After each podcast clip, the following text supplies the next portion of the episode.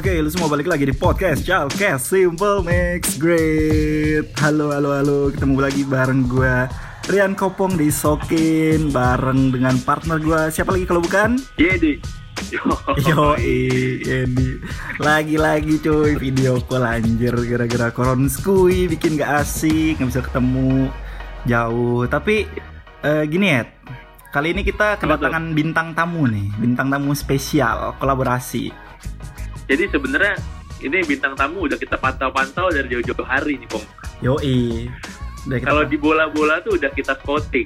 Heeh, udah lama di scouting nih kapan ya kapan ya akhirnya set masuk data kita Asli karena aduh ini kalau kita lihat-lihat dari zaman zaman dulu kuliah sampai sekarang nih sepak terjangnya best banget ini. The Salah best pak satu menjadi panutan kita. ya. the best pak mungkin sebelum gua kenalin orangnya nih ya buat lu yang lagi nyimak biar tahu siapa gua bacain sedikit sejarah hidupnya sebelum kita say hi sama doi jadi Betul. eh, sekarang Bongkar, Pong, bongkar. Yoi kita bongkar dulu. Doi ini kuliah di King Fahd University of Petroleum and Minerals, menjalani master degree di jurusan Geological and Earth Science, Geoscientist. Dan S1-nya di UPN Veteran Yogyakarta, tapi geofisika cuy. Jadi menarik nih dari geofisika loncat ke geologi. Buset. Terus cukup aktif di organisasi, ikut di apa namanya SEG, terus himpunan dan sebagainya dan sebagainya. APG juga jangan lupa. Eh, dan gua Yedi sama narasumber kita ini sama-sama di organisasi APG cuy. Dan sekarang Doi ini eh, memegang jabatan sebagai presiden APG KF UPM Student Chapter dan pernah juga waktu S1-nya sebagai asisten lecturer di Electromagnetic Exploration EM di EM, asisten EM. Nah, tanpa berpanjang-panjang dan berlebar-lebar langsung aja kita sambut please welcome Argo. Yoi. Oh, Apa kabar, Go? baik, baik, baik. Alhamdulillah. Ya anda. Itu bahasa Arab tuh tadi barusan tuh ya. Iya. Ini jadi Argo Argo ini kalau kalau kita lihat di apa di LinkedIn-nya itu panjang banget pak Yoi. dari dari education sampai apa nih experience publikasi edukasi waduh waduh waduh, kagak bisa kita ini dah pokoknya panjang banget dan dan ini orang dari Jogja kita satu kampus ternyata sekarang ini nan jauh di sana nih ya dari Arab sekarang di Arab nih kita lagi lagi nge-podcast gua di Kalimantan Kopong di Pekanbaru Argo ini di Arab Saudi gila gila gila gila, gila. Gokil banget ya. jauh banget nih Gimana di Arab? Eh, sekarang lagi musim panas dan bener-bener panas.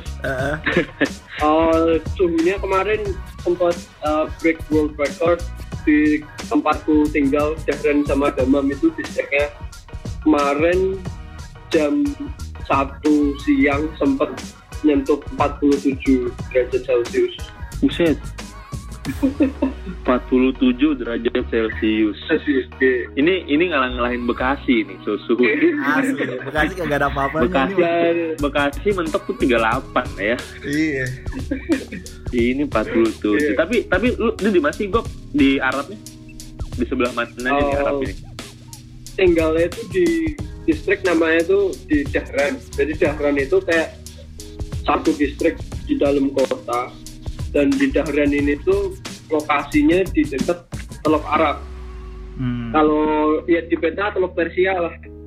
Iya, oke. Beda nama di sini. Kayak itu dekat sama Bahrain. Jadi di pinggir pantai. Ibaratnya kayak kayak Semarang lah. Cuma bedanya ini di Arab Saudi. Dekat laut. Oh, deket laut loh. Iya, iya, iya. Iya, dekat laut. Nah, langsung aja ya kita right off the bat. Ah, ini nih pertanyaan menarik nih. Kenapa lu bisa di Arab, Go?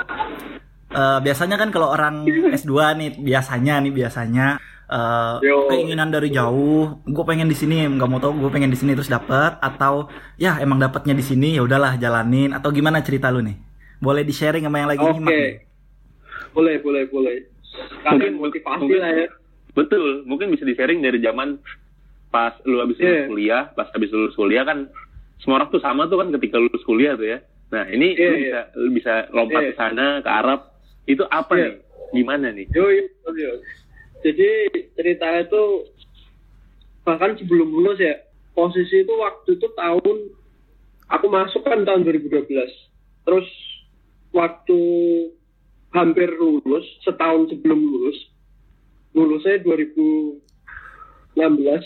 sekitar awal tahun 2015 tuh udah minyak lagi anjlok-anjloknya kan Betul, waktu betul. itu eh udah sering invest nama sama ibaratnya siap-siapin jobin CV lah buat masuk ke oil company. Di sini boleh nyebut oil company gak sih? Boleh, boleh, boleh. Boleh, boleh. Kita Boleh ya? tidak kita tidak terikat kontrak apa pun sama. Oke oke siap. Karena nggak ada yang mengontrak. Waktu itu pengen daftar ke Chevron sama Total kan, tapi ternyata lagi lay off. Beberapa nggak open job vacancy, terus posisinya waktu itu service company juga sama. Ah, itu tapi sebelum lulus itu bahkan sebelum kerja eh, sebelum ngerjain tesis kan akhirnya udah kepikiran nih tempat yang enggak terkena dampak harga minyak. Jadi mikirnya daerah mana sih yang harga minyaknya itu mereka yang ngeset harga minyak. Ujung-ujungnya kan pikirannya pasti ke Middle East kan. Terus waktu itu sempat daftar beasiswa sebelum lulus itu eh, sebelum mengerjakan tesis itu waktu zaman zamannya bener-bener pasang kuping, pasang mata, cari informasi. Nah waktu itu eligible buat daftar tuh dua universitas. Yang pertama itu di Stavanger di Norway, yang satunya lagi itu di Middle East eh, di KFUPM di King Fahd. Nah kenapa ambilnya di dua universitas itu karena kalau universitas secara profil kalau universitas yang ah, bagus untuk terjun ke oil industry itu ambilnya yang memang mereka punya ikatan sama perusahaan minyak sih. Kalau yang di Stavanger kan mereka ikatannya sama si Statoil tuh. Sekarang namanya Equinor. Yang punya lapangan di North Sea. Kalau di King Fahd sendiri tahu ya gara-gara memang dia ikatannya sama Saudi Aramco kan. Sama lah kayak kalau di Prancis ada IFP punyanya Total. Terus universitas-universitas yang punya ikatan sa- sama oil company lain gitu. Kenapa akhirnya lari ke sini? Karena yang pertama eh, secara kompetisi itu lebih ketat. Terus kayak eh, scholarship-nya kan dia fully funded. Jadi bener-bener di sini tuh nggak nggak keluar duit sama sekali, kecuali untuk eh, makan. Kayak rumah juga dikasih housing, listrik dibayarin, air dibayarin dan listrik sama air mahal banget. Internet juga dibayarin. Terus bener-bener be- dibebasin biaya untuk segala macam lah. Bahkan di sini eh, medical pun diberi insurance. Jadi sempat nimbang benefit dan paling besar benefitnya emang tingkat. Tapi memang masuknya juga lebih susah. Waktu itu minta tesnya nggak cuma TOEFL atau IELTS, tapi sama GRE juga. Graduate Record Examination. Itu tesnya kayak eh, semacam standarisasi eh, level pendidikan lah. Kalau kita dari negara non US mau ambil ke kampus yang kurikulumnya US oriented. Jadi kita harus ngambil itu GRE. Akhirnya tembus tembus semua dapat letter of acceptance itu sebelum tesis. Jadi sebelum tesis itu udah dapat letter of acceptance. Tapi untuk bisa ke sini kan harus dapat visa tuh. Nah, visanya nunggunya itu setahun. Oh. Soalnya visa issuance-nya itu syaratnya harus lulus sebelum September 2016. Nah, itu diberi surat itu posisinya Desember ta- tahun sebelumnya. Jadi mau nggak mau tesisnya harus ngebut, eh, skripsinya harus ngebut, sorry. Akhirnya nggak udah nggak mikir tuh mau skripsi di perusahaan atau apa deketin salah satu uh, uh, dosen di teknik fisika UPN uh, Pak Rian. Uh, beliau juga sedang mengerjakan pro, uh, project waktu itu uh, basinnya cekungan Jawa Timur bagian utara. RMKS dan kawan-kawannya itu seismik waktu itu. Akhirnya ngerjain kelar dan Juli udah bisa sidang syaratnya terakhir itu udah tembus. Jadi waktu itu kan masih ada wawancaranya dulu. Via via Skype terus uh, drop in CV-nya prosesnya kan lama tuh. Akhirnya kelar. Skripsinya juga udah di defense. Dapet deh. Lanjutnya ke Arab Saudi.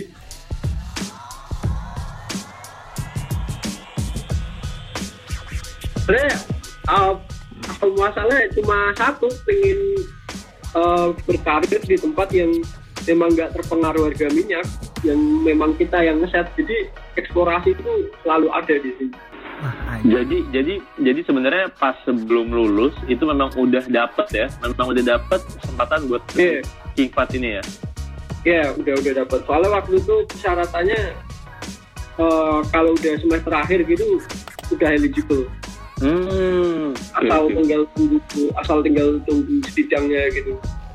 Hmm. Dunia perskripsian tuh ah udah nih kebutin aja nih ya pokoknya kebutin gimana cara bisa berangkat nih ke Arab. Iya, ya udah udah udah nggak pikir pengen di perusahaan apa atau sebenarnya kan pengen juga tuh ngerasain gimana sih rasanya internship kayak gitu. Mm -hmm. Tapi ini udah ada reward yang lebih gede ya udah resikonya memang nggak bisa skripsi di perusahaan oh. sikat aja terus. Iya dulu dulu gue pernah dengar lo ini gue apa namanya uh, emang dikebut gitu skripsinya ngejar-ngejar di Arab nih. Dan gue apa namanya yang nggak kepikiran tuh ini loh. Lu tuh uh, pengen masuk oil company tapi gara-gara harga minyak anjlok waktu tuh gara-gara shell boom ya. Terus lu mikir di, di mana tempat yang ngeset harga minyak sendiri? Itu gokil men. Itu gak, gak kepikiran sampai sih nah, sebenarnya kira-kira mustahil juga sih. Iya iya iya. Kalau kita denger sama senior senior yang di atasnya kita cuma jarak setahun dua tahun lah. Terakhir lulus masih bisa tuh masuk ke service company masuk ke company gede-gede kan masih bisa tuh tapi kenapa waktu zamannya kita yang sama-sama ngalamin perjuangannya tahu sendiri kan UPN senioritas kayak gimana iya, harus iya, ngikutin iya. beberapa tahapan waktu kita yang harus bisa ibaratnya apa ya sudah waktunya take action nih ternyata kita nggak dapet kesempatan yang sama gara-gara memang harga minyak tuh yang set uh, bukan kita kan makanya ada sempat mikir injustice di sini yo yang yang yang gue salutin sebenarnya pada waktu itu kan di mana harga minyak tuh lagi anjlok-anjloknya kayak semua semua mahasiswa yang bergerak di kebumian geologi geofisika ya. bahkan anak minyak sekalipun kayak merasa putus asa gitu. Wah ya, kampret sih gue pengen lulus taunya harga minyak anjlok gitu kan. Banyak gue yakin banget banyak itu pun teman-teman gue masih kopong ini juga mikir kayak wah udahlah. Uh, gue kayaknya banting setir dan lain-lain. Lah termasuk gue salutin tuh malah ditantangin balik gitu. Di harga lagi turun emang lu samperin sumbernya. Ini yang gila. Ya.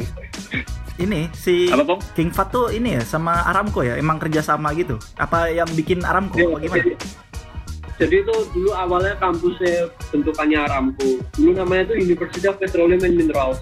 Oh, oh oke. Okay. nah jadi dulu kampusnya itu didirikan gara-gara sempat drilling di sini eksplorasi terus uh, memang lokasinya kan sebenarnya kenapa lokasinya itu tepat di koordinatnya sini itu gara-gara emang banyak nemu lapangan minyak sama gas di sini antara di offshore sama di onshore-nya. Nah, lapangan minyaknya yang paling besar tuh uh, namanya Gawar. Gawar itu lapangan minyak terbesar di dunia. Dia modelnya anti clean trap gitu, tapi dia anti cleannya tuh elongated kayak memanjang gitu. Hmm.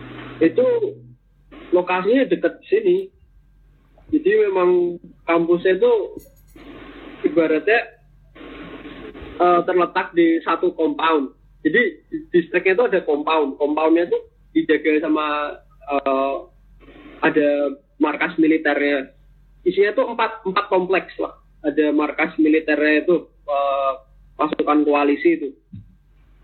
Uh, Arab Saudi Amerika dan kawan-kawannya. Terus hmm. kompleknya yang kedua itu uh, konsulat Amerika Serikat. Terus kompleknya yang ketiga itu uh, headquarternya Saudi Aramco. Terus kompleknya yang terakhir keempat itu kampusku. Jadi dia ada di satu compound gitu. Jadi punya penjagaan sendiri hmm. dan di situ banyak uh, paling banyak ekspatriatnya lah dibandingkan tempat-tempat lain di Arab Saudi. Hmm, karena, konsentrasi ekspatriat itu paling besar di tempat ini karena ini juga ya dekat uh, selat eh selat Hormuz. Selat apa namanya? Eh teluk Persia oh, teluk Arab gitu. Teluk ya? Arab ya, ah, ah, ah. dekat teluk Arab ya sering konflik jadi banyak tentara. Nah, terus tadi kan tadi terus kan tadi apa namanya si King Fat ini kan bekerja sama sama Saudi Aramco ya. Hmm. Nah itu itu sampai sekarang masih bekerja sama berarti kok ya? Sam masih bahkan di sini dosen-dosennya itu isinya uh, kebanyakan memang mereka linknya itu nggak cuma sekedar uh, advisor atau sekedar profesor tapi mereka juga kontribusinya ke proyek-proyek Aramco dan funding juga uh, banyak dari sana uh, projectnya juga jalannya dari sana jadi emang kita kayak sebenarnya hampir mirip seperti research and developmentnya Aramco. di Saudi Aramco ya tapi kita uh, lebih fokus ke apa tuh namanya itu kalau disebut researchnya itu lebih masuk ke yang hal akademisinya lah. Jadi kayak kalau kita ngelakuin sesuatu ke skala industri kan kita harus tes dulu nih di skala saintifiknya tuh gimana. Hmm. Ya, kita mainannya di situ. Tapi opportunity buat kerja di oil, oil industry di sana itu gede nggak sih? Uh, entah entah dari entah dari lulusan apa kikat ataupun universitas lain ataupun mungkin dari luar luar luar luar negeri gitu yang kerja di sana apa yeah. eksplorasi di sana masih masih masih banyak digalakan atau atau gimana hmm. di sana tuh ya yeah. kalau di sini tuh job opportunity-nya yang pasti masih lebih banyak lah dibandingkan negara lain yang bermain di oil and gas tapi kalau yang di King ini ternyata waktu masuk kalau dulu itu masih bisa tuh uh, direct shopping jadi direct shopping tuh graduate-nya langsung ditarik ke Aramco kan uh -huh. nah tapi kalau sekarang itu dia lebih fokus ke nationality yang Arab Saudi karena uh, pengen si Saudi Aramco yang tadinya banyak ekspatriatnya itu pengen dinasionalisasi kan jadi kayak hmm. lebih banyak uh, menarik uh, warga lokal lah. Dari warga negara Arab Saudi sendiri. Nah kalau kayak aku gini kalau begitu lulus ya sebenarnya ada kesempatan tapi bukan ke Aramco ya lebih ke oil company negara sekitarnya atau service company di uh, Middle East juga uh, ada lah chance di situ. Terus gue mau nanya, gue Teman-teman lo orang Arab semua? Apa nyampur? Apa gimana? nah, jadi kalau di tempatku karena banyak anak uh, dari luar juga kan, hmm. dia kan kelas internasional. Oh oke. Okay. Jadi eh, uh, nyampur sih. Cuma kalau di sini S1 isinya kan orang Arab semua tuh. Dan di sini kan sempat uh, dikasih uh, teaching assistant kan belajar anak S1 isinya Arab semua cuma bahasanya sehari-hari pakai bahasa Inggris gara-gara di sini ya dosen uh, fakultinya itu udah kecampur udah nggak murni Arab ada yang dari US ada yang dari Australia ada yang uh, nyampur-nyampur lah itu banyak oke okay, oke okay, oke okay. tergantung spesialisasinya apa ya?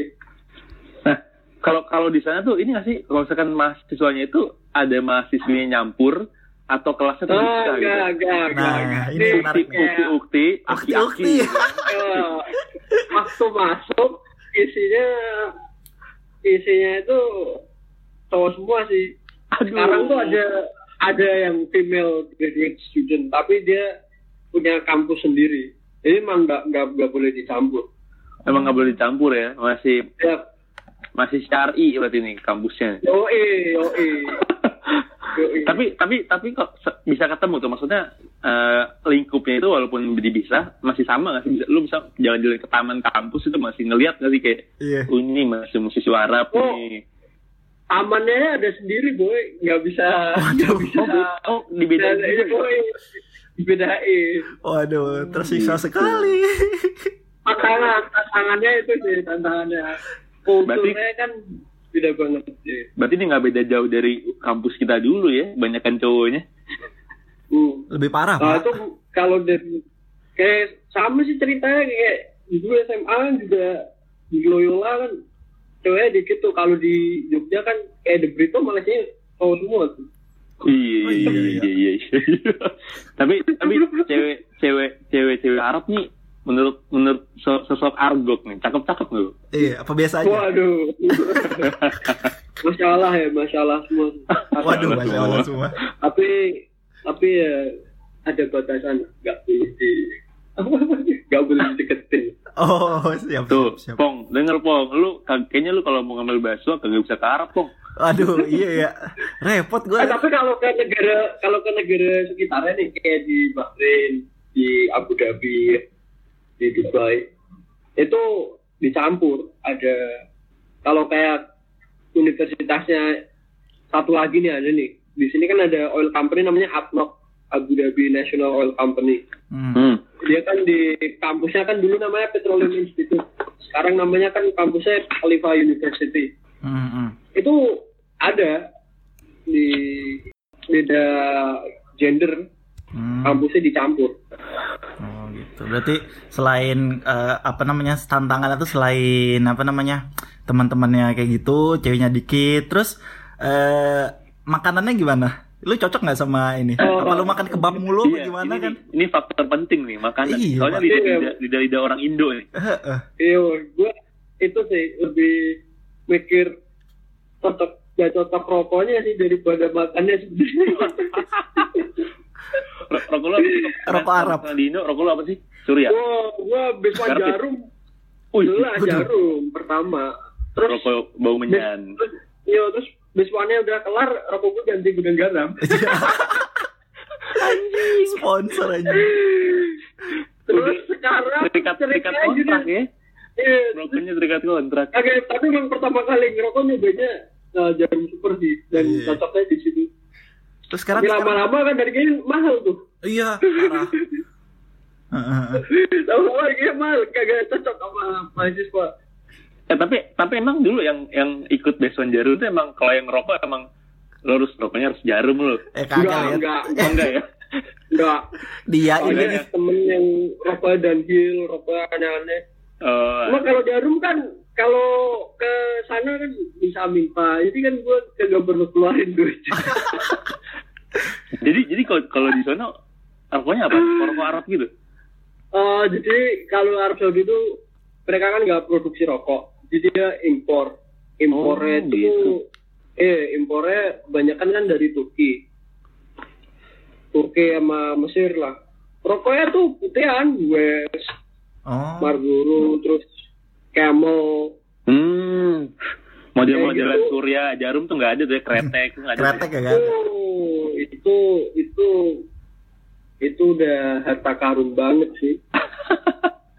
Mahal si kan? Alfian Gilang tuh, Alfian Gilang Hah? waktu itu ikut conference ke sini tuh. Oh iya iya benar benar benar. Iya. Iya iya iya yang Pak. presentasi sana ya. Iya, gua gua minta titip itu satu slot. Udah garam signature. Garam signatur. Jadi requestannya tuh sebenarnya simple. Cuman gudang garam, gudang gudang garam signature satu slop udah. Udah ya. Simple.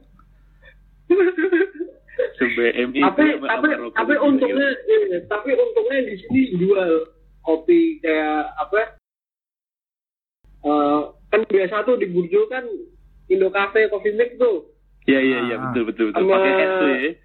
ya pakai es itu udah di sini jual ternyata Oh, ada. Jual Indo Cafe Coffee Indo Cafe. ada situ. ada ada tapi Buset. itu ternyata barang-barang Indo yang kayak disepelein lah tapi ternyata jual di sini kayak kopi sasetan tuh Torabika jual di sini Bukan main. Waduh, bukan main, Pak. Biasa. Torabika cappuccino ya jadi kopi udah ada cuma rokoknya kagak enak tapi ya bertahan lah Iya, iya, iya, iya. Tapi orang orang sana pada pada ngerokok juga sih mas mahasiswanya.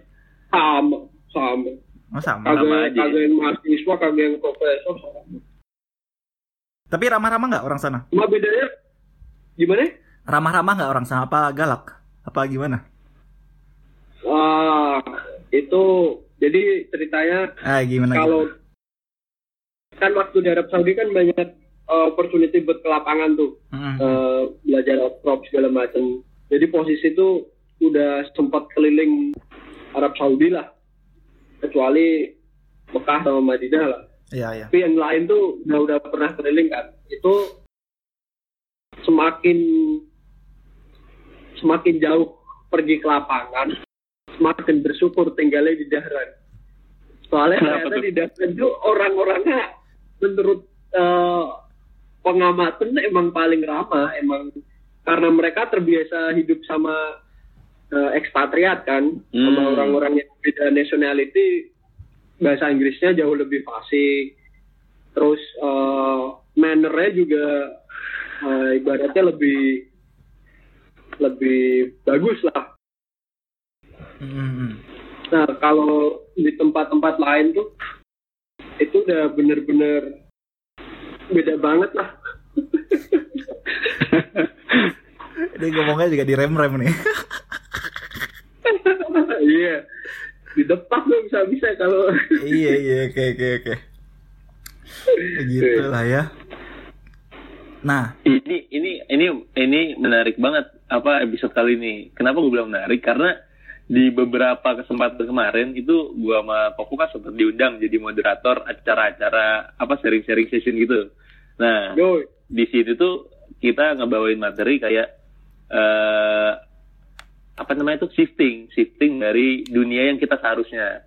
Misalkan lu, lu Oh. geofisika, geolog, geoscientist lah, geoscientist, yo yo. malah kerja di tempat lain Ah. yang bu- memang bukan bidang kita. Nah, ini kayak semacam kita pengen pengen pengen ngasih tahu juga bahwa ternyata masih ada opportunity mau lu S2 kayak mau lu kerja itu masih ada gitu di dunia yang memang kita seharusnya. iya, iya. Yo. Makanya ini adalah role model yang sangat tepat ya nggak, Pong? Yo, kan apa namanya? Kita udah pernah bilang juga kan pas bahas apa namanya? eh, kita bahas sejarah harga oil and gas gitu loh, yang yang kita analisis grafik-grafiknya segala macam. Nah, Iya, tapi kan iya, di situ, iya.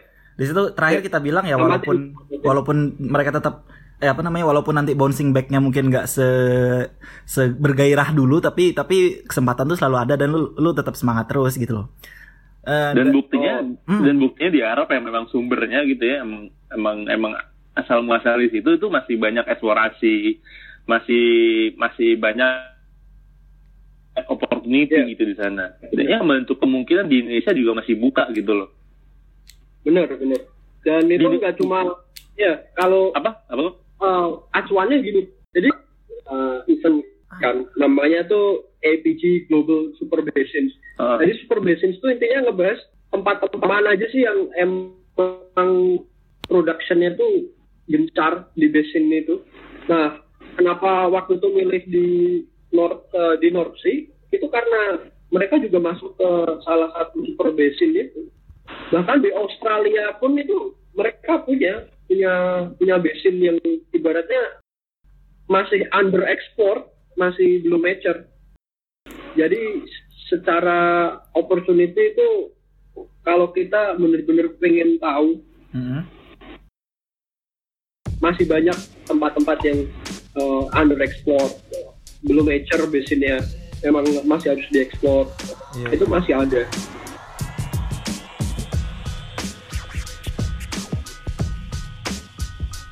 gue pengen nanya nih menurut sudut pandang lo nih yang memang berkecimpungnya di dunia oil and gas ya opportunity ke depannya nih kan sekarang memang lagi anjlok tapi ke depannya kalau misalkan uh, dari kajian-kajian universitas atau dari perspektif lo pribadi itu gimana uh, masa depan industri ini nih Hmm. Nah, bebas Oke. maksudnya di di Middle East sana tuh kayak gimana atau di Indonesia juga Hmm. kalau lu mis- apa ngikutin itu gimana nih Eh, menurut perspektif lu Gok? Eh, menurut perspektif sih masih ibaratnya tuh masih bisa digencarkan lah. Apa opportunity opportunity kayak gitu tuh kita tuh nggak bisa yang nunggu bolanya boy. Kita yang kejar bolanya Iya, iya. Eh, dalam arti tempat-tempat mana sih yang emang masih eh, yang masih memberikan kita peluang untuk berkarir di situ? Dan tentunya karena terbatas dari sisi kompetisinya pasti juga pasti juga lebih ketat kan jadi Tapi gila-gilaan juga ya.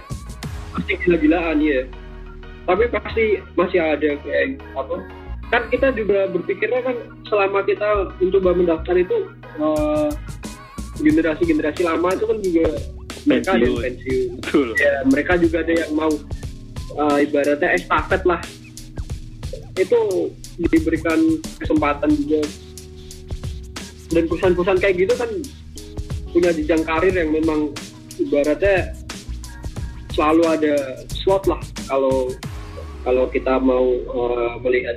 Cuma juga kita harus realistis kalau emang eh, kita nggak mau keluar dari eh, zonanya yang kita tahu. Ibaratnya kayak di Indonesia nih. Pengennya kerjain di Indonesia tapi pengennya kerjain di oil and gas kalau emang negaranya lagi nggak bergairah untuk melakukan eksplorasi Hmm.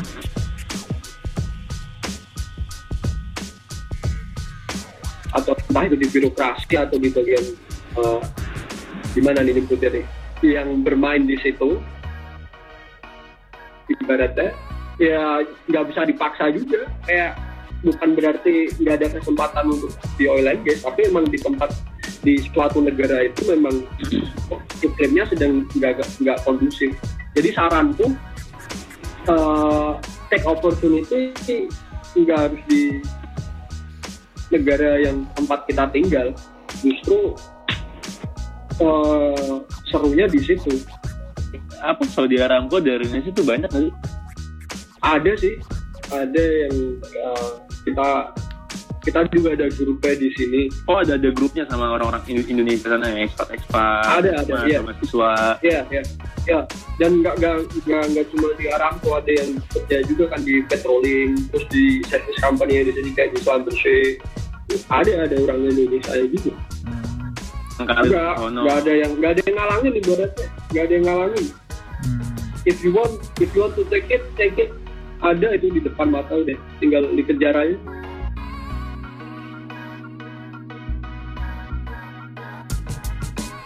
Ah, terus gue mau nanya lagi nih, eh, karena tantangannya makin gede kan, otomatis lu harus eh, nguasain eh, lebih banyak field lah gitu ya.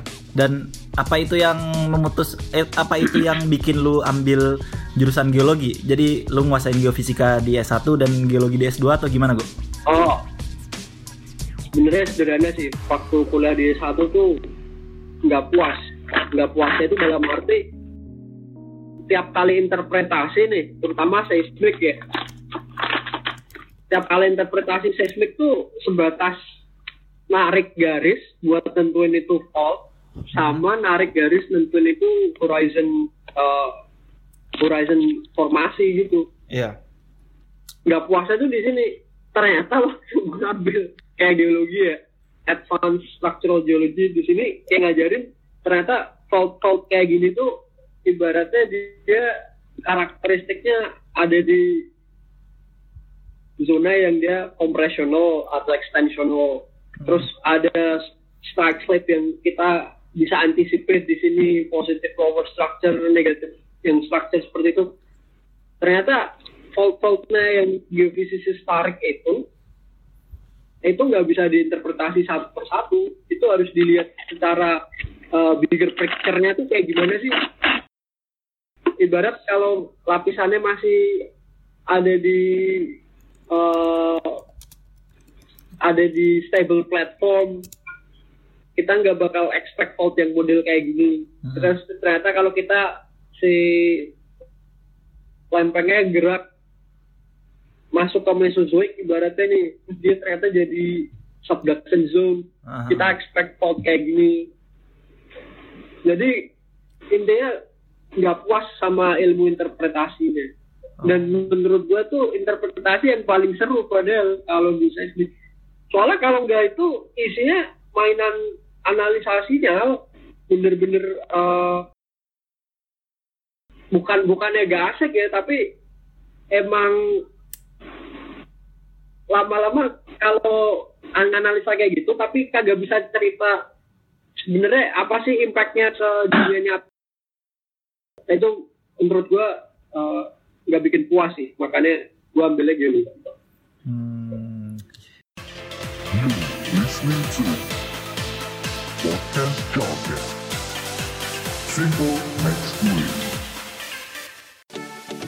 Oke buat lu yang pengen ikut pelatihan tapi masih ngeri karena pandemi, gue punya info menarik buat lu di sini. Ada pelatihan perencanaan penambangan dengan materi pelatihan seputar pembuatan peta topografi, permodalan geologi, output grafis geologi, pembuatan sayatan geologi, penentuan pit limit, plan long term, short term, pembuatan disposal, kesiapan unit, dan masih banyak lagi. Jangan takut kantong jebol karena harganya hanya 350.000 untuk 3 hari buat pemula, 700.000 per 6 hari untuk expert, dan bisa bulanan dengan harga 350.000 untuk 3 hari. Jadwalnya fleksibel banget dan personal cuy, bisa offline di Jogja atau bisa online via Skype. Ini semua udah include lu dapat software Mindscape 5.7, tutorial install software sampai lu bisa jadi expert di Mindscape dan setelah pelatihan juga dikirim modul plus video pelatihan buat lu bisa refreshing.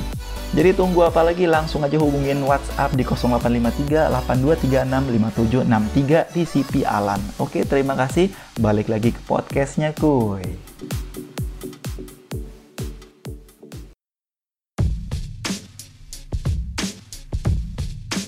Mantep nih, Gila. mantep nih.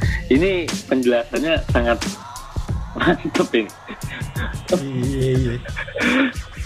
Jadi apa dari berangkat dari ketidakpuasan pas analisis ternyata pas lu belajar di Arab perasaan itu jadi lebih Iya, lebih klimaks pak Iya. intinya ya iya, lebih klimaks pak gawat Dan dan gini, ternyata gue lihat di updatean lu gue eh, nah eh, apa singkapan-singkapan di sana tuh kayak ini ya luar biasa banget gitu. Gue gue lihat yang kemarin tuh batas jura apa apa tuh yang yang yang lu update terakhir lagi apa namanya?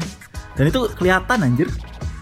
Oh. Sequence boundary-nya itu gila. Oh iya, iya itu tapi bukan ya tapi itu bukan di Arab itu itu di itu di Denmark itu. Oh itu Jadi- tidak mak. Buset. Oh, Jauh tapi ini hampir sama sih kalau di sini kan ya it- itu di Denmark itu. Hmm. Jadi tapi secara, umum ya emang kalau uh, outcrop di di negara yang nggak tropis lah. Iya. kan dia weatheringnya kan nggak separah kalau di di negara tropis tuh. Hmm. kadang nyari batas kontaknya ternyata ketutupan lumut kalau di sini enggak kering bener-bener kering. Eh, lebih mudah di analisa lebih mudah diidentifikasi Hmm. lu lu lu selama selama kuliah gitu kan sering ini ya sering kuliah-kuliah lapangan apa tadi tadi crop nah ini kan rame-rame ya rame-rame sama orang Arab entah orang dari mana ya ya bener itu bener culture culture kuliah lapangannya sama gak sih sama kayak Oh. kita di Indo gitu yang oh oke Oke. ini ini ini yang pertanyaan Oke. Tapi ini inti-inti nih pertanyaan. Jadi ternyata ya kalau yang paling bikin kangen pernah nggak sih kalau ke Bayat gitu haus beli es teh Nah, lagi balik baliknya makan lagi baliknya makan mie Iya. ayam ya kan jangan kan balik nih lagi jalan nih pindah stop side ada mie ayam berhenti dulu Dulu. jalan. jajan. Iya iya iya bener bener kalau di sini tuh outcropnya udah di bener-bener tempat yang memang bukan di kota jadi emang di tengah gurun gitu nggak ada tuh es teh mie ayam Mana panas Jangan- banget lagi. Itu- ya, orang dagangnya ogah ya di situ ya. Iya. kagak ada kagak ada orang dagang masa lu lihat onta jalan gitu onta onta liar Onta liar. Di lapangan lihat onta-onta liar gitu. Gue baru denger onta liar ternyata ada ya. Onta liar gimana anjir? Ternyata ada juga onta liar ya. ada ada jadi emang apa eh, ibaratnya ya kalau di Indo tuh ada banyak yang bikin kangen dalam arti kita kayak ngerasa eh, kita take it for granted lah ibaratnya di Iya iya iya. Iya, iya, iya. rokok habis bisa beli lagi kan Bisa ngecer ya kan kalau Bisa ngecer, kalau di bisa sini- ngecer. kalau di sini enggak kalau di sini emang harus supply dulu nih yang pertama Mm, mm, mm.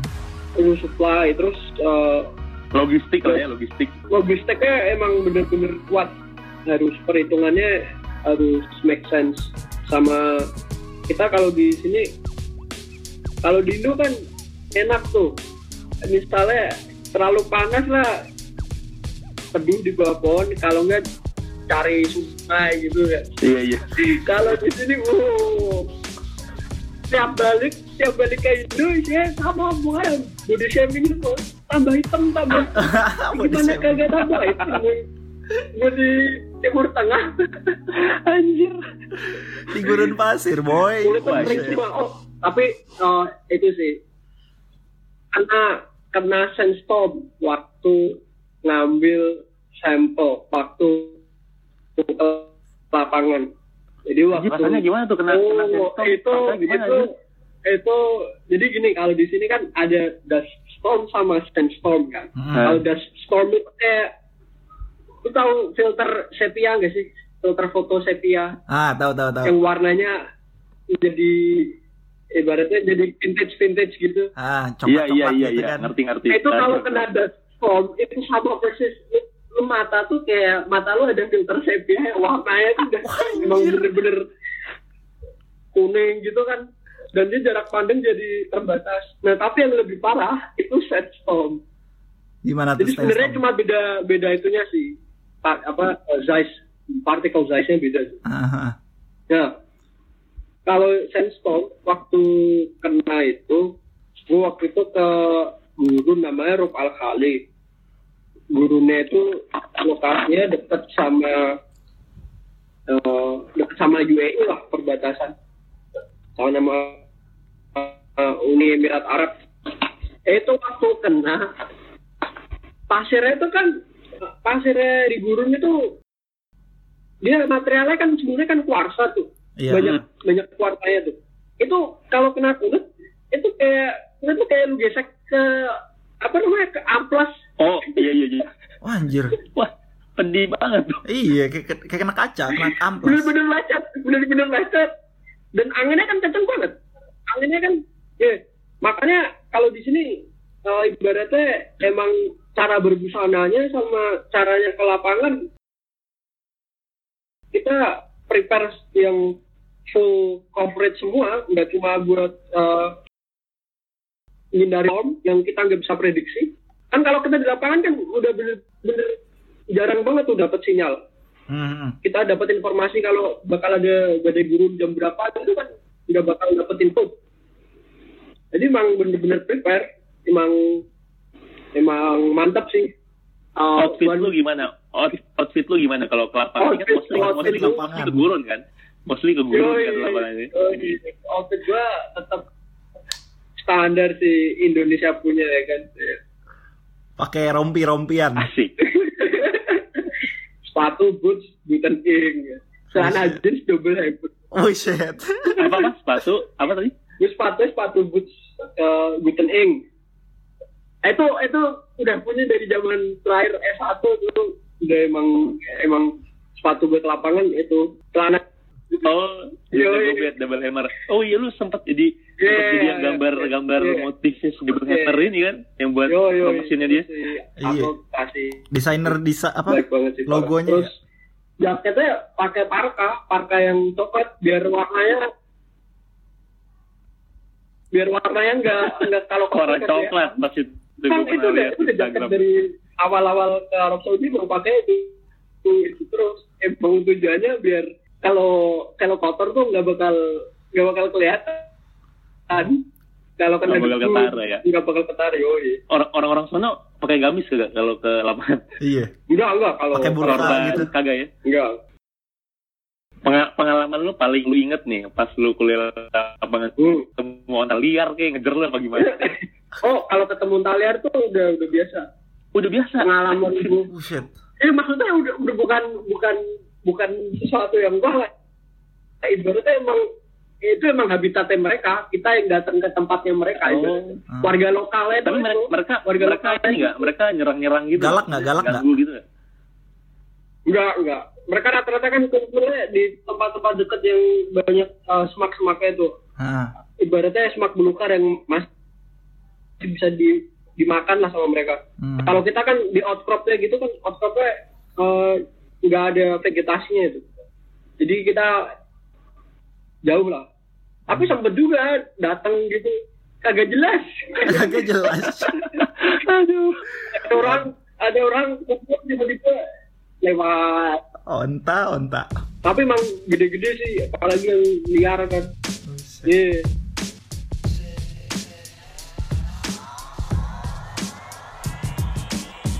Gimana pong? Gimana pong? Tertarik nggak lu?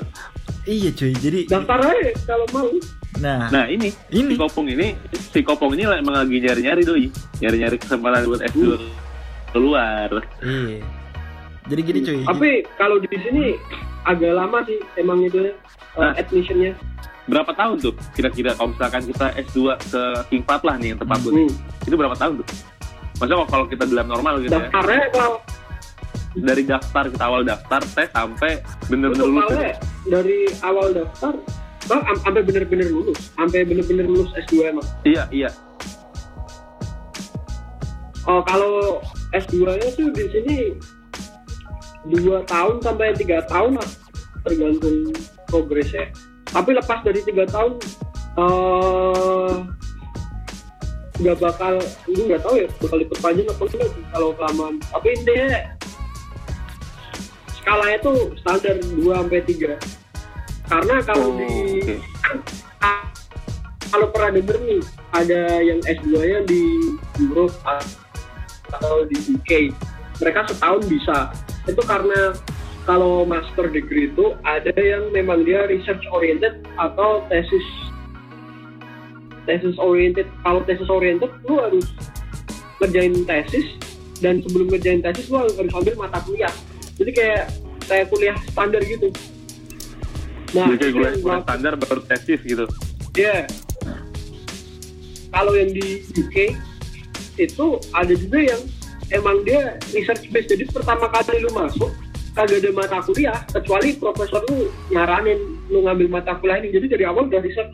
Jadi di setahun udah bisa kelar. Oh, kalau kalau lu nih mengambil yang ada mata kuliahnya dulu. Ya, gue yang tesis based. Jadi emang lu harus Oh, yang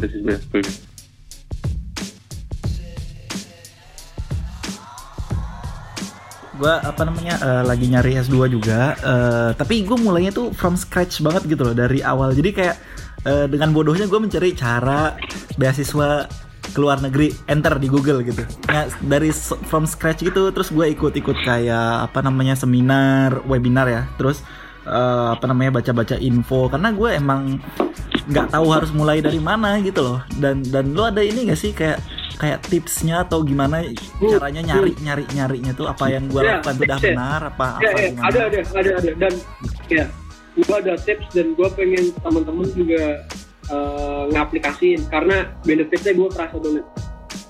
Jadi sebenarnya dunia kan luas banget tuh. Kadang tuh challenge-nya tuh mulai dari mana sih? Kita udah ada keinginan nih kita udah ada cita-cita angan-angan tapi kita nggak tahu mulainya gimana. Yang pertama kali gue lakuin itu waktu gue cari waktu zaman zamannya emang lagi pasang telinga sama eh, buka mata lebar yang gue maksud itu sebenarnya kayak gini. Dunia yang mau kita ambil ibaratnya petroleum geoscience lah. Itu kan mereka punya beberapa eh, organisasi yang emang punya link kuat ke mahasiswa. Contohnya APG, ada SCG, ada EAGE. Contoh aja nih, yang dilihat itu pertama adalah profil-profil orang-orangnya yang ada di sana. Jadi kalau lu lihat uh, organisasi itu, kan ada tuh misalnya board direkturnya siapa. Lu lihat tuh kampusnya itu dia alumninya alumni alumni mana. Oke oke. Nah, dari list itu kalau nulis gue bisa dapat 3 sampai 4 halaman sendiri tuh lulusan-lulusannya itu rata-rata dari mana aja.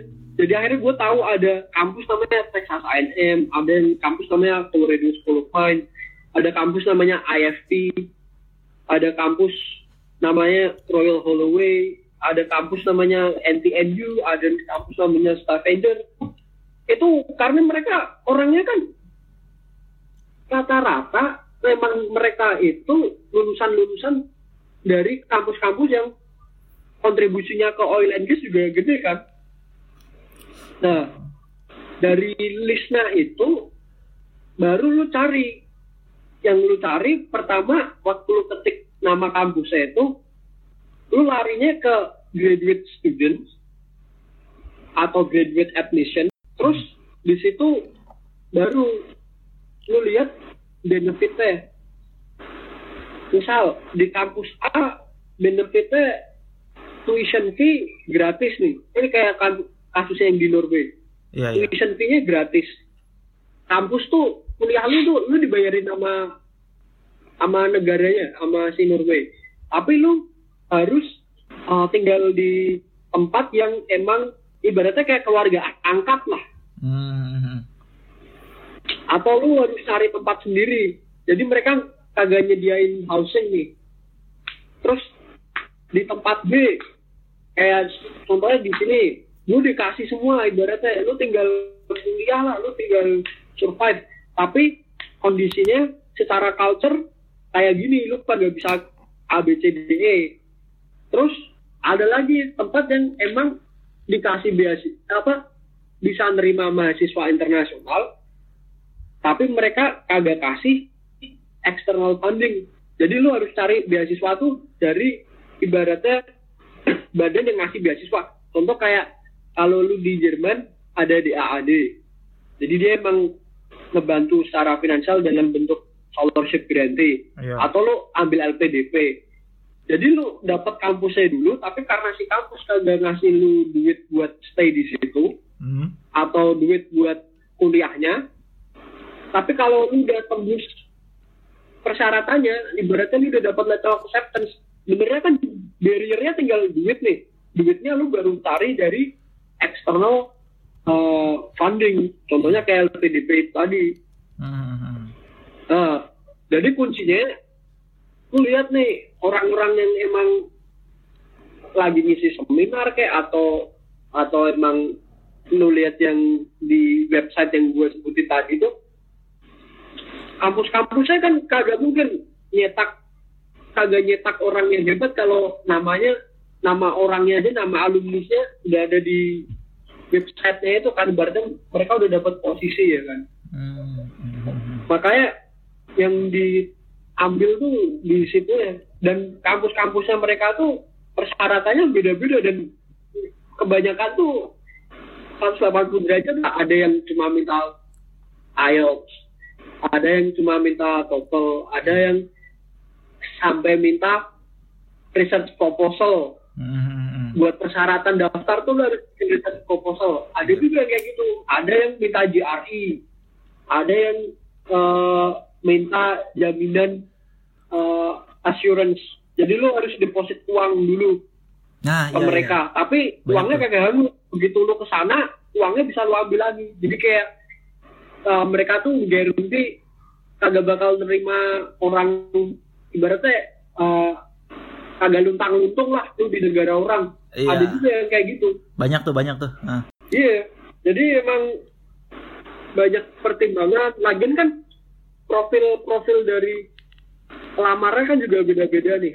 Katakanlah ada yang emang teman-teman kita yang secara finansial memang adalah duit dari orang tuanya yang ini uang buat kamu kuliah, kamu mau S2 atau mau apa. Nah itu yang bisa ibaratnya salah satu hal yang patut dipertimbangkan juga mau ambil ke mana Iya. Dan pengalaman gua kemarin cari-cari cari-cari ya kayak misal eh, rata-rata mereka tuh kalau di luar tuh tuition fee-nya tuh jelas gitu loh. Jadi jadi udah ada punya chartnya sendiri. Walaupun nyari iya iya Heeh, nyari apa namanya?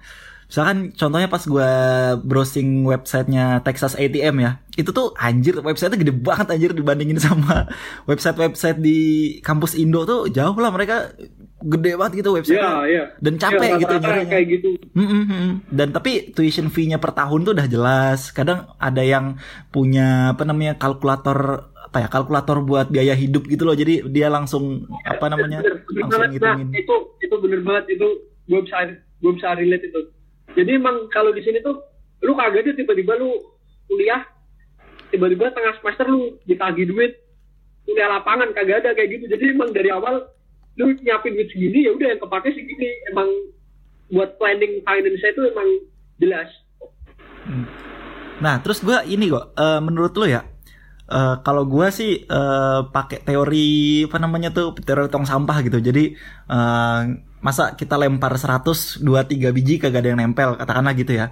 Nah, menurut lu di website-website oke. kampus itu tuh bakal nyediain scholarship nggak sih? Karena gue cari-cari tuh ada yang ada yang terbuka mereka apply for scholarship buat postgrad, ada yang enggak. Menurut lu gimana tuh? Chance-nya kalau kita langsung apply ke kampus dibandingkan lewat LPDP misalnya, gede juga apa-apa sulit atau Oh. gimana?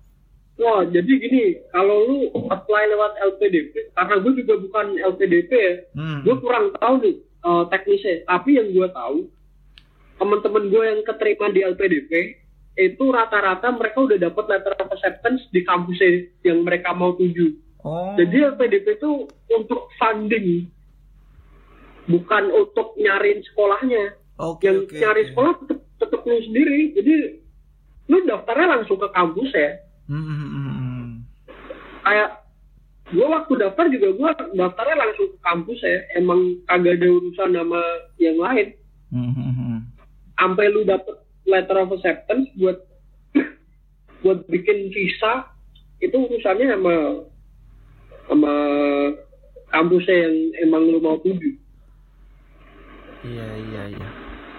Anjir, lumayan lumayan kebuka sih gua nih. Iya. nah, bener. Dan info kayak gitu tuh waktu posisi gue ya waktu di kuliah juga kagak ada yang ngasih tahu. Emang lu harus kejar bola sendiri lu emang Betul, harus betul. dan yang itu emang lu emang banyak berkorban. Dalam arti mempersiapkan kayak gitu zamannya lu udah semester akhir mata kuliah udah kagak ada. Hmm, zaman zamannya udah bebas banyak main. Lu belajar buat tes apa eh, GRE lu nyiapin dokumen segala macam lu ke kedubes bolak balik emang emang itu eh, perjuangannya emang lu nanti ngerasain lah begitu lu keterima buset isinya sujud syukur semua bener sih. Gue kalau di posisi lu juga, wah, gue gak ngerti banget. Mungkin gue bakal bikin highlight di Instagram gue kayak, eh, apa ya? Eh, gue bakal highlight si Arab ini sendiri nih, kegiatan gue karena asli. Gua nggak Iya, highlight, kayak- Cuk. kayak- Sebangga itu gitu kayak, Kalau gila-gila. keterima potong domba gua asli boy. kayak kayak lahiran bocah. potong potong itu potong unta Potong sini. unta. Sembelih unta pakai pedang Kalau misalkan Ah. persiapan itu kan pasti banget nih, pasti banget nih. Gue yakin ini pasti banget nih. Orang-orang karena gue juga pasti punya pemikiran yang sama gitu. Itu kan kayak kita udah keburu takut duluan gitu ya. Kayak, aduh anjir luar negeri nih. Pasti kita kayak ngebayangin tesnya apaan ya yang keluar ya. Susah Gua gitu ya. belajar di Ya. mana. Ya kan pasti Iya, iya. ada aja rasa Iya. takut kayak aduh ada ada insecure, insecure gitu pasti muncul banget ada ada gue waktu itu eh ibaratnya ya kalau mau tesnya dalam arti yang kalau GRE sama TOEFL gitu kan emang soalnya kan yang nyiapin udah ada tuh Ah, ah. belajarnya udah tahu kalau dari kampusnya sendiri kalau mereka mau eh, ibaratnya mau wawancara atau gimana lu jangan takut dan jangan malu buat bertanya. Kira-kira eh, mau menanyakan apa di interview. Tapi juga lu harus bisa tutupin jangan belak belakan lu mau nanya apa sih? Lu bilangnya uh, lu tanyanya itu dalam arti gini uh, if it's possible I would like to know the ideas for this interview so I can prepare better to answer your questions and to satisfy your curiosity jadi Ah. kayak Iya. biar gue biar bisa persiapin nih gue bisa uh, prepare jadi kan mau gak mau orang yang dari pihak sananya kan juga ngasih tau oh gue bakal nanyain ibaratnya track record lu waktu lu kuliah lu organisasinya apa aja lu kira-kira waktu kuliah pernah ngal- uh, pernah ngalamin research apa kagak lu pernah ngalamin student volunteer apa kagak kayak gitu kayak gitu jadi emang jangan malu buat tanya Hmm. terutama ke graduate coordinator eh.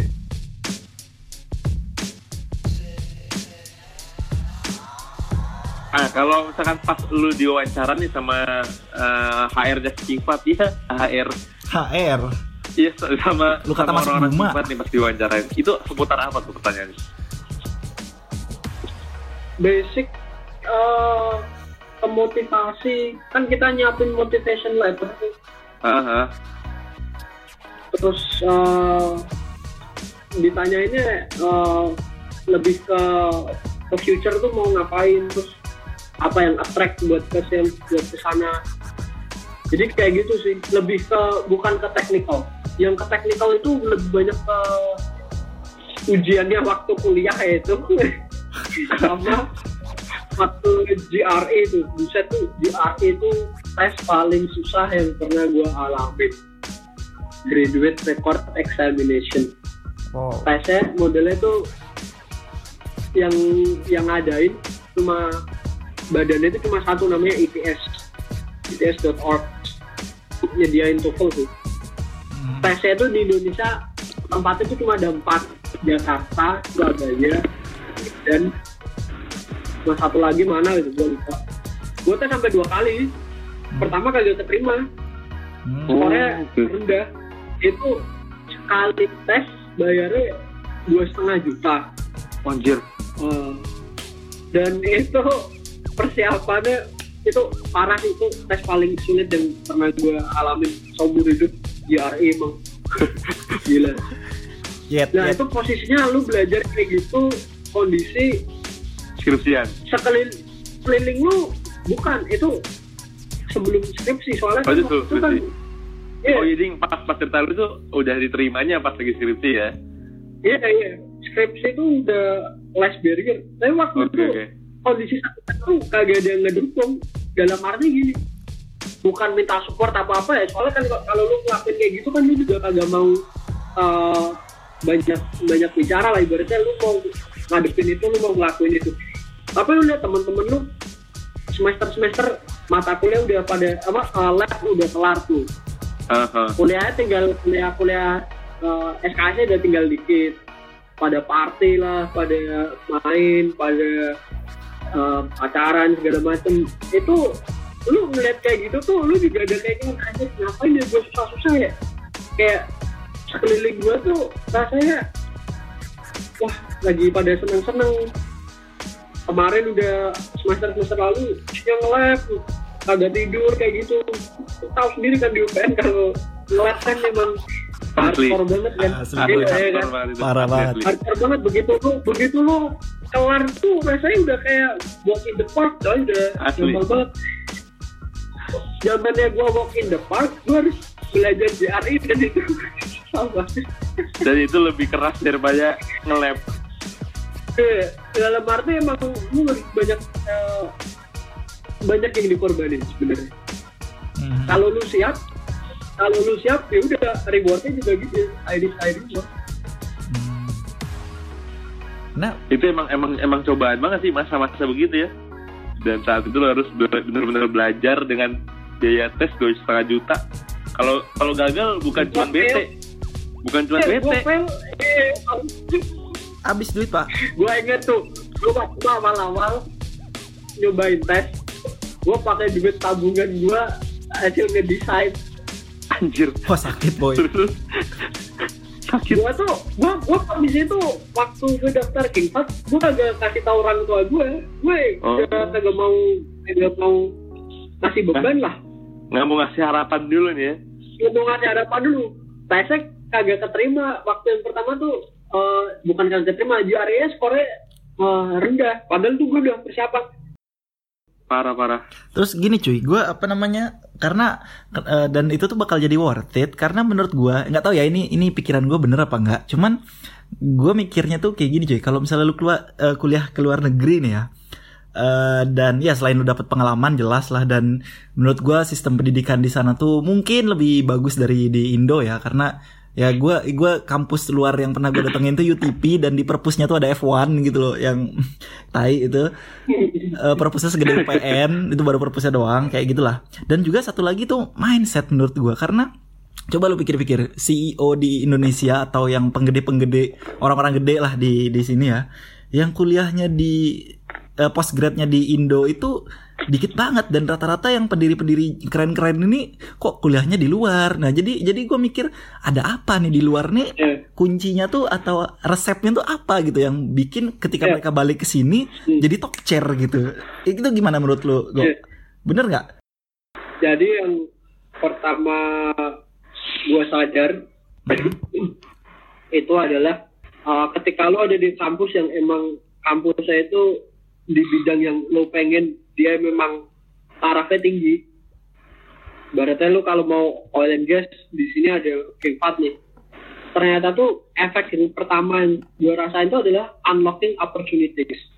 Di sini gue ketemu banyak profesor, banyak kolega yang mereka itu bener-bener ngenalin gue ke banyak kesempatan-kesempatan lain. Ini posisi gue sekarang lagi tesis nih. Ya. Gue sekedar cerita aja ya. Tesis gue itu kagak ada hubungannya sama minyak. Hmm. Gue awalnya, awalnya itu gue mau tesis tentang seismik di sini. Tapi seismiknya datanya itu eh, kagak dipublish buat buat dilakuin research karena eh, sensitif lah Ya. ibaratnya nih tesis gue gerak gue tuh mempelajari eh gurun pasir sekarang.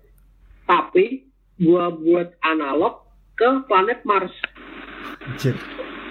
nah waktu gue cerita kayak gini profesor gue bilang gue ada nih kenalan gue dia emang saintis NASA. Dia emang sedang studi ini. Lu kalau mau jadiin external committee. Tapi lu harus presentasi research ke beliau akhirnya gue lakuin gue presentasi dari Arab Saudi beliau di California di beliau di Caltech. Gue presentasiin beliau interest beliau mau jadi eh, external thesis committee gue dan gue ditawarin kalau lu udah kelar lu publish ini ke jurnal Earth and Planetary Science. Kalau mau lu ada opportunity lanjut studinya PhD-nya emang ke Martian eh, Mars eh, Geology of Mars emang ada di situ dan tawarin di di Caltech di US Caltech itu kampusnya punya laboratorium laboratoriumnya itu eh punyanya NASA namanya NASA JPL Jet Propulsion Laboratory Ah. Nah, gua gua kagak pernah kepikiran gua mau take interest ke planetary science, tapi ternyata opportunity-nya ke unlock sekarang. Wah anjing. Gara-gara orang-orangnya yang di kampus-kampus yang top itu, emang mereka koleganya top-top semua. Lu bayangin ya, sampelnya yang gua ambil di Kaliopak. itu dianalisa heavy mineral dikirim ke Milan coy ada Anjing. kolega profesor gua emang dia spesialisasinya heavy mineral namanya Eduardo Garsanti nah profesor Eduardo Garsanti ini sekarang lagi ngeliatin sampelnya Kaliopak yang gua hidupnya. Gila gila. Kali opak cuy. Sampai Milan. Itu Gokil. jalan-jalannya lebih jauh dari gua tuh sih gua belum pernah buat ke Milan. Gokil tuh pasir kali opak.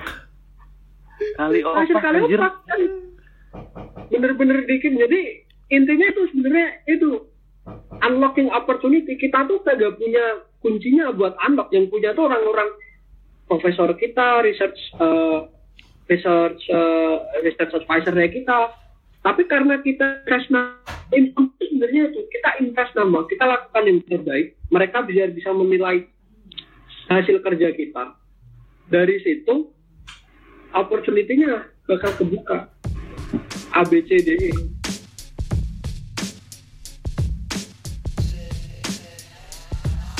Gila. Dan apa ya? Mungkin ini berlaku berlaku dalam bidang apa pun gitu ya.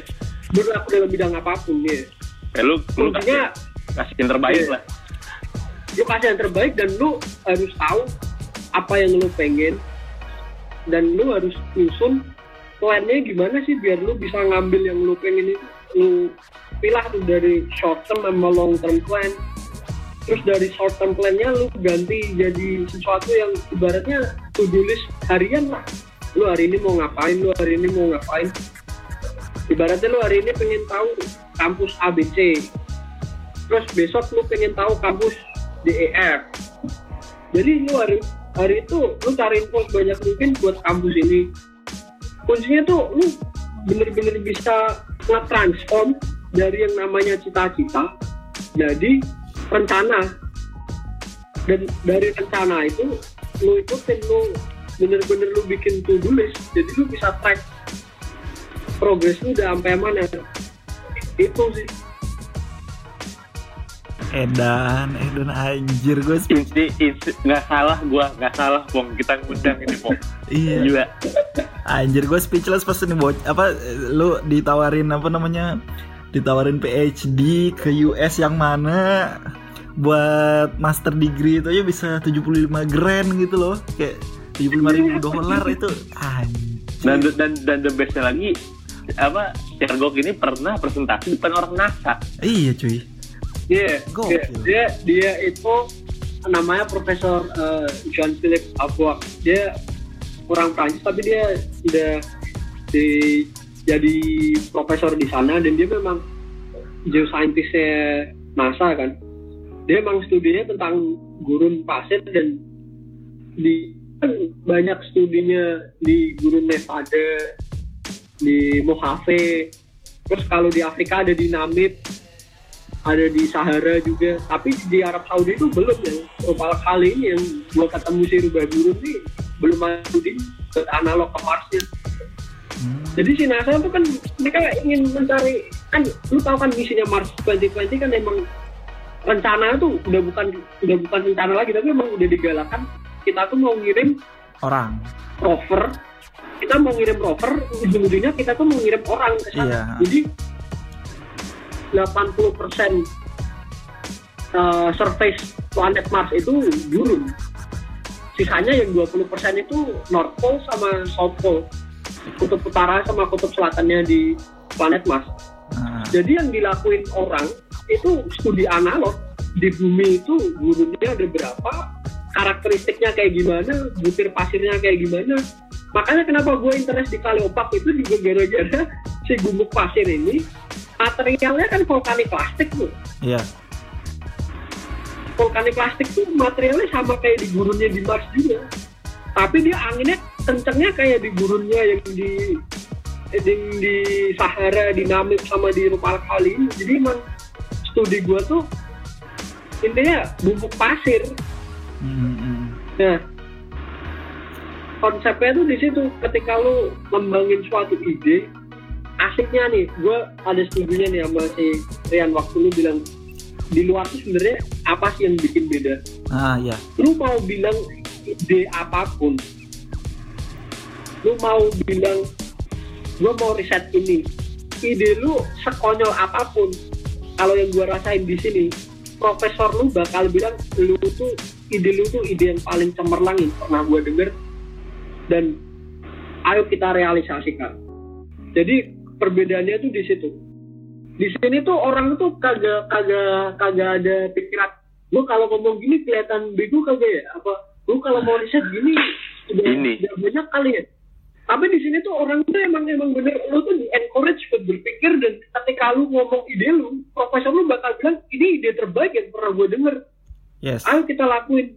Jadi waktu gue bilang gimana nih kalau ternyata di lokal kali ini kagak ada studinya di Mars? Gue pengen. Profesor gue kagak bilang gue lihat aja kampus kita tuh petroleum and minerals tapi kagak ada minyak minyaknya lu mau buang-buang degree lu kagak profesor gue bilang gue punya kenalan nih emang yang saintis NASA emang mainnya di sini. Lu mau kan nggak? Gue kasih kontaknya kita bikin relation kita bikin kolega tapi lu present di depan beliau. Jadi emang bener-bener lu di encourage. Itu yang gue ngerasa beda banget sih. Uh, ibaratnya ibaratnya secara lu tuh di nurture kok. Kayak pikiran lu tuh bener-bener bener-bener ibaratnya kalau kebuka tuh kagak kagak sedikit-sedikit emang bener-bener udah di dibuka bener emang. Iya. makanya itu itu yang bikin beda. Makanya orang-orangnya kan rata-rata kalau lu kuliah di lu kagak tahu ya kalau di tempat lain ya. Tapi Ah, kalau di tempat-tempat yang emang kampus ibaratnya lu lihat rankingnya tinggi dosen-dosennya tuh kagak cuma dari satu negara tapi emang dosen-dosennya emang dia multinasional orang-orang udah terbuka gitu kiranya emang. Oke. lu mau ngomong apa pun lu kagak bakal pernah lu dibilang lu bego apa gimana. Karena lu masuk tempatnya situ aja udah lu udah saingan banyak orang. Iya, jadi iya. ketika lu di sana lu di treatmentnya beda banget. Beda banget Jadi intinya di sana tuh kayak gimana ya?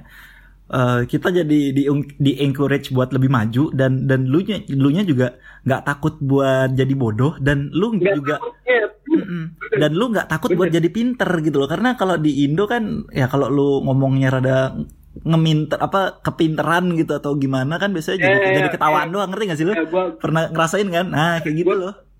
gua bisa relate banget itu kayak Nah. gitu ya itulah lu kayak dapat omongan gara-gara lu proaktif ya Tapi lu pengen tahu lebih tapi lu dapat stigma ya kan Itu banyak banget tuh kalau kasusnya di sini tuh. Heeh. Iya sama gue juga dulu kayak gitu gue ngerasain lah ibarat. Tapi begitu di sini ternyata kagak di tempat-tempat jadi lu tuh berhak terbang di tempat yang memang respect lu. Ibaratnya jadi orang di lingkungan yang emang ngelihat lu tuh ini bagian dari kami. Jadi di situ sumpah gua gua juga agak speechless sih kalau ngomongin kayak gini. Tapi emang ini yang gua rasain. Dan emang itu blessing banget sih. Worth it lah sama yang gua lakuin. Gokil sekali cuy. Gimana ya gimana ya gue jadi kayak wah bener juga ya jadi lebih kebuka gitu. Nah ini juga kayak lu maksud pong hmm, apa tuh? Ketika lu ngobrol ketika lu ngobrol sama orang eh apa ya sama kayak gini deh. Gue gue suka ngobrol sama orang karena ketika ngobrol sama orang tuh lu dapet insight-insight baru. Hmm, nah bener bener. Ya kan? Betul. Kayak sekarang gue bener-bener kayak ditabuk bolak-balik kayak wah anjing. Iya juga ya. Iya iya iya. Aduh. Iya cuy, menarik banget nih obrolan. Buset, buset. Terus eh lu ke depan mau gimana nih kok? Mau mau mau jadi ekspat di sana atau balik ke Indo atau gimana nih? Ngomongin kalau plan masa masa depan lu ya walaupun bisa berubah sih, cuman kalau rencana lu tuh gimana? ya ya gua ada plan ABC lah sekarang Hmm, nih hmm, hmm. kan gue lagi ngerjain tesis juga jadi yang plan yang pertama itu gue lanjut sama external committee gue gue ke Caltech gue ambil PhD di sana planetary geoscience uh, plan B-nya gue ke dari waktu tuh gue ke Denmark itu gue ke Skandinavia itu ada nih antara si Copenhagen atau Uppsala kalau Copenhagen ada di Sweden Iya. atau di Norway uh, NTNU tempatnya bang uh, Diki Haris Nah, Jayat kan ah, ah. gue juga ada interest ke sana dan gue bakal ambil petroleum geoscience kalau gue lari ke Skandinavia. Hmm, hmm, hmm. plannya yang ketiga gue daftar uh, kerja nih di ADNOC. Gue pengen gue juga ada keinginan kayak ambil uh, ibaratnya industrial experience lah. Gue pengen ngaplikasiin lebih lanjut. Gue lari ke ADNOC bisa Abu Dhabi National Oil Company. Jadi gue pindah dari sama-sama di Middle East tapi gue pindah dari Arab Saudi gue pindah ke UAE ya dan mereka juga nawarin sih kayak apa namanya eh, ada kampusnya itu Khalifa University mereka open juga buat PhD jadi bisa lah sama lanjut sana. Jadi itu gue plannya ABC-nya itu buat sekarang. Masih dalam jalur akademisi banget lo ya berarti. Eh, akademisi sebenarnya gue kalau lu tanyain sekarang gue paling pengen jadi apa gue sebenarnya paling pengen jadi researcher Oke oke oke ya ya. gue emang udah ya gue udah emang eh, pengennya di situ kalau gue masuk industri oil industry pun gue juga pengennya masuknya ke divisinya R&D Hmm, research and development buat oil company gitu. Iya iya iya. Parah parah. Tapi lo ada keinginan nggak buat balik ke Indo? Uh, gue kagak ada yang pertama ya gue kagak ada obligasi eh, kagak ada obligasi balik ke Indo gara-gara funding gue kan eksternal nih kagak Ah. dari Indo dan kedua gue sebenarnya eh kagak sih gampang aja gitu Ya udahlah sekarang intinya kagak sekarang kagak sekarang kagak intinya tidak Lagi kayak gitu. Ini ini menarik. Gua- Soalnya apa namanya Ya, tadi mau- tadi eh, eh, tadi rencananya mau bahas eh, apa namanya di pengalaman lu eh, kuliah di sana dan segala macam beasiswa dan lo nyerempet-nyerempet Mars nih gue jadi apa ya jadi mungkin eh, kita bisa entah kapan next bisa collapse lagi soalnya gue menarik banget Mars nih ternyata geologi gitu tuh banyak banget eh, yang bisa Yo. diaplikasikan diaplikasiin ke Benar, Mars benar, gitu benar. Dan dan gue nonton eh, apa namanya di gue channelnya lupa apa cuman si rovernya itu di sana bisa nganalisis kayak kayak apa ya Ke- kayak ngemes gitu loh kalau kalau di di pelajaran sedimen dulu pas kuliah di mes sendiri sama robotnya Iya, iya, iya. terus dianalisis sendiri dan bahkan mereka bisa sampai Iya. tahu salt content dari eh, apa namanya masing-masing batuan di sana sehingga mereka tahu oh eh, kayaknya nih dengan Iya. dengan lapisan berbeda kandungan garamnya juga berbeda kok mirip sama pengendapan lakustrin di di di di, bu- di bumi gitu loh makanya mereka tahu di sana ada air Benar. gitu Mm-mm. benar benar jadi kondisinya itu overnya itu Mm-mm. si opportunity itu Mm-mm. dia bahkan punya XRF sendiri di instrumennya di ro- rovernya itu jadi Oh. dia punya X-ray iya iya diffraction sama yang reflection jadi dia waktu nganalisa tuh bener-bener bisa sampai kuantitatif mineralogi bener-bener bisa tahu kadarnya berapa persen.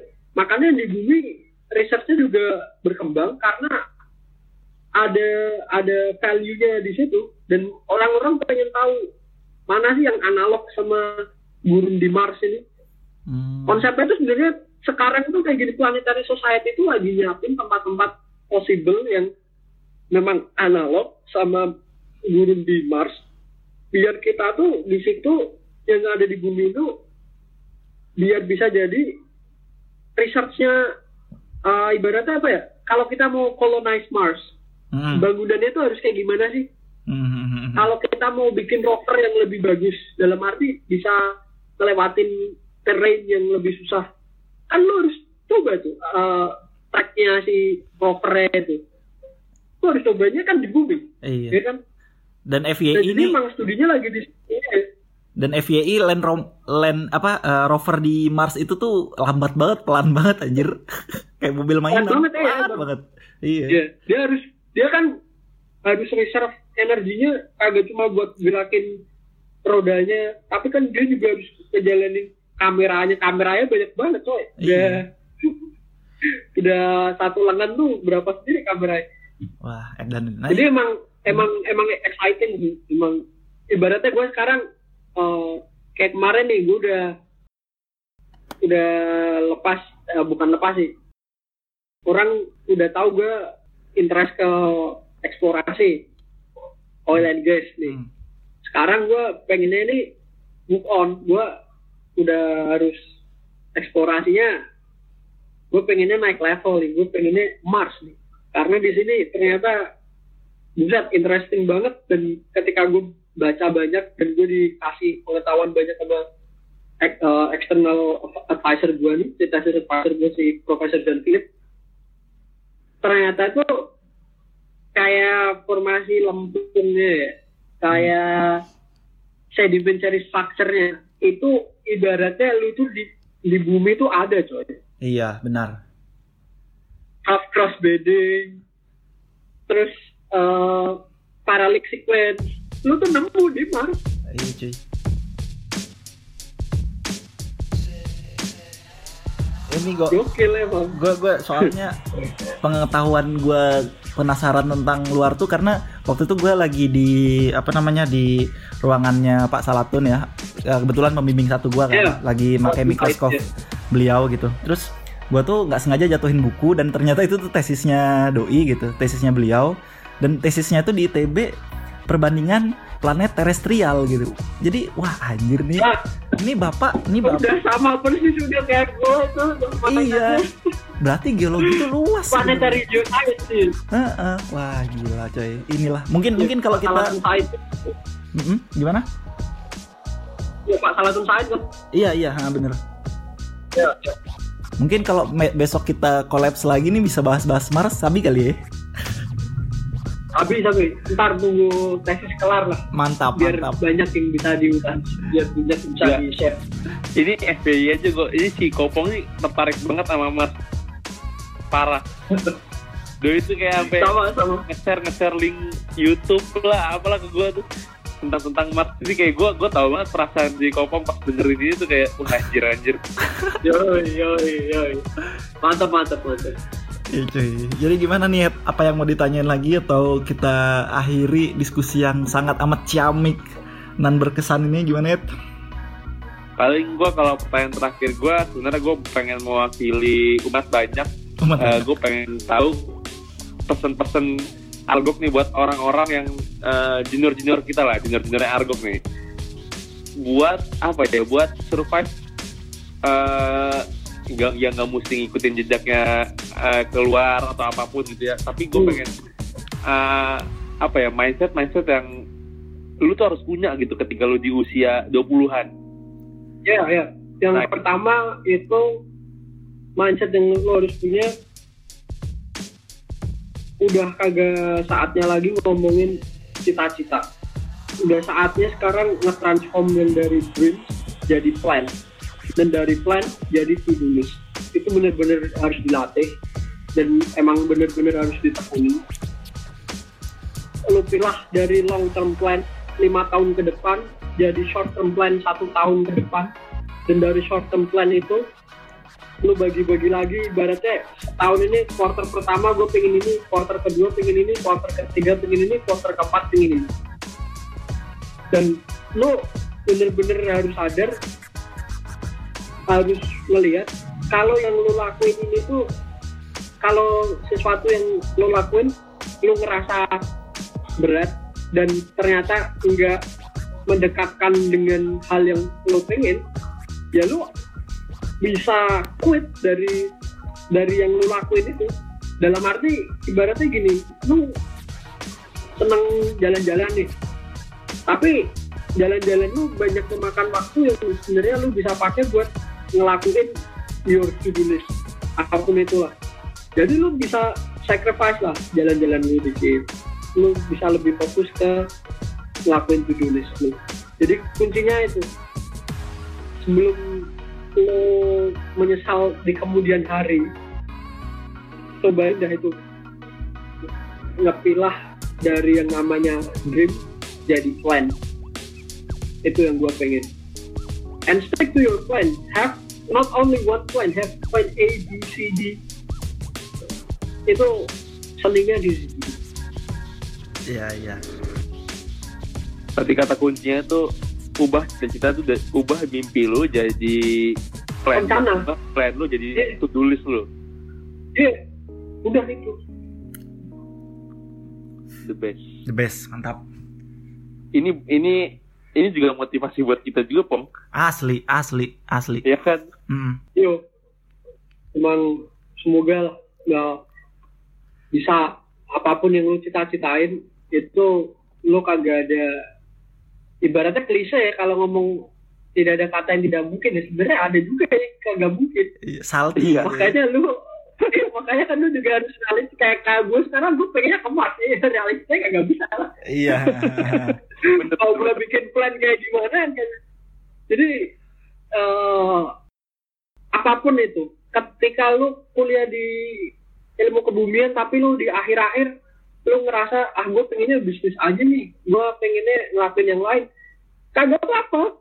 Cita-cita lu lu lu bikin plan yang penting. Lu kalau pengen bisnis bisnisnya lu pengen besarin lu pengen eh involve di sana lebih lu pengen nambah karyawan lu pengen nambah eh ekspansi bisnis lu. Kuncinya kan sebenarnya itu lu bikin plan lu bikin to do list. Short term plan long term plan lu harus ada. Itu nggak boleh kosong tuh. Intinya itu. Oke, Kebaik. terbaik. Eh kal- kalau dari gua apa ya? nggak ada sih, maksudnya udah nggak ada pertanyaan. Gue cuman pengen ngucapin terima kasih banget, Go. Udah yo yo sama-sama waktunya lu udah nyempatin buat kolaps bareng Chalkes. Terus gue mau nanya, eh tapi gue ada pertanyaan dikit nih. Menurut lu Chalkes gimana? Singkat aja. Oh, kalau lu yang bawain asik sih, serius. Gua kayak ngerasa kagak interview nih, kayak ngerasa nongkrong beneran. Udah, gue emang bener-bener nge-fulfill salah satu bisnis gue paling deket, pengen banget. Iya iya iya. Asik-asik dan emang sebenarnya sekarang lebih banyak orang tuh merhatiin hal-hal yang sifatnya online dalam arti kayak eh, podcast kayak gini karena gue yakin ya dan gue dengerin uh, uh, podcast yang lain kayak gitu emang esensinya tuh lebih besar daripada nonton TV Iya bener, jauh lah. baru lah lo bisa pikir buat take opportunity di sini harus mantap Oke oke, itu dia tadi.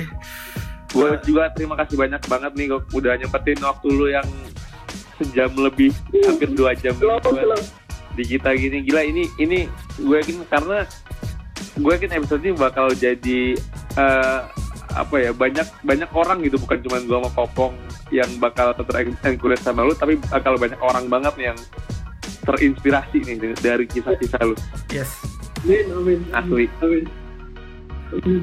dan sukses terus tesis lu dan juga semoga eh, salah satu dari plan yang lu rencanain itu kejadian Oke cuy, terima kasih buat lu yang udah Oke. dengerin sampai sini cuy. Makasih banget. Semoga lu bisa ambil banyak lah pelajaran buat lu yang udah nyimak sampai sini. Thank you banget Go sekali lagi.